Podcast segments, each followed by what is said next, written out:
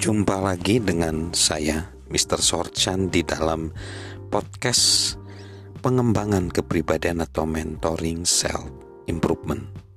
Saat ini kita membahas tentang halangan pertumbuhan yang disebut dengan jurang. Dan kita masuk di halangan kedua yaitu jurang pengetahuan. Saya tidak mengetahui cara untuk bertumbuh saya tidak mengetahui cara untuk bertumbuh. Setelah pertemuan John dengan Kurt, dia berbicara ke semua orang yang dia kenal dan mengajukan pertanyaan yang sama. Apakah Anda memiliki rencana pertumbuhan? Saya berharap supaya ada orang yang telah memahami hal ini dan dia dapat belajar daripadanya. Tidak seorang pun yang menjawab iya. Tidak seorang pun di lingkungan John yang memiliki rencana untuk bertumbuh dan mengalami peningkatan. John tidak mengetahui cara untuk bertumbuh. Demikian pula mereka. Perancang, seniman, dan konsultan Loretta Staples mengatakan, jika Anda mengetahui dengan jelas apa yang Anda inginkan, dunia akan menanggapinya dengan jelas. John tahu apa yang dia inginkan. Dia ingin bertumbuh dengan pekerjaan baru yang dia terima. Dia ingin menjadi orang yang cakap mewujudkan target-target besar yang telah dia tetapkan untuk diri sendiri. Dia hanya membutuhkan cara untuk melakukannya. Banyak orang hanya belajar dari pengalaman pahit. Pengalaman yang sulit memberi pelajaran dengan cara yang sulit kepada mereka, dan mereka berubah. Kadang menjadi lebih baik, kadang juga jadi lebih buruk pelajaran-pelajaran tersebut terjadi secara acak dan sulit.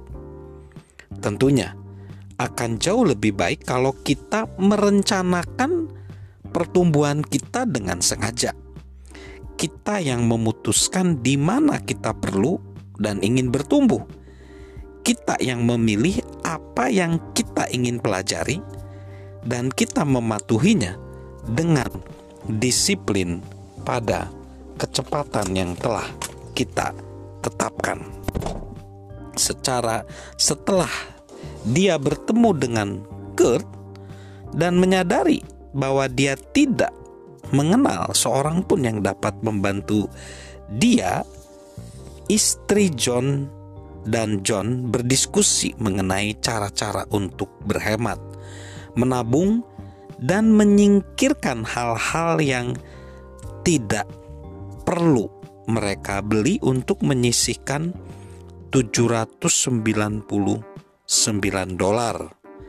Dan karena saat itu belum ada kartu kredit, jadi dia tidak makan siang.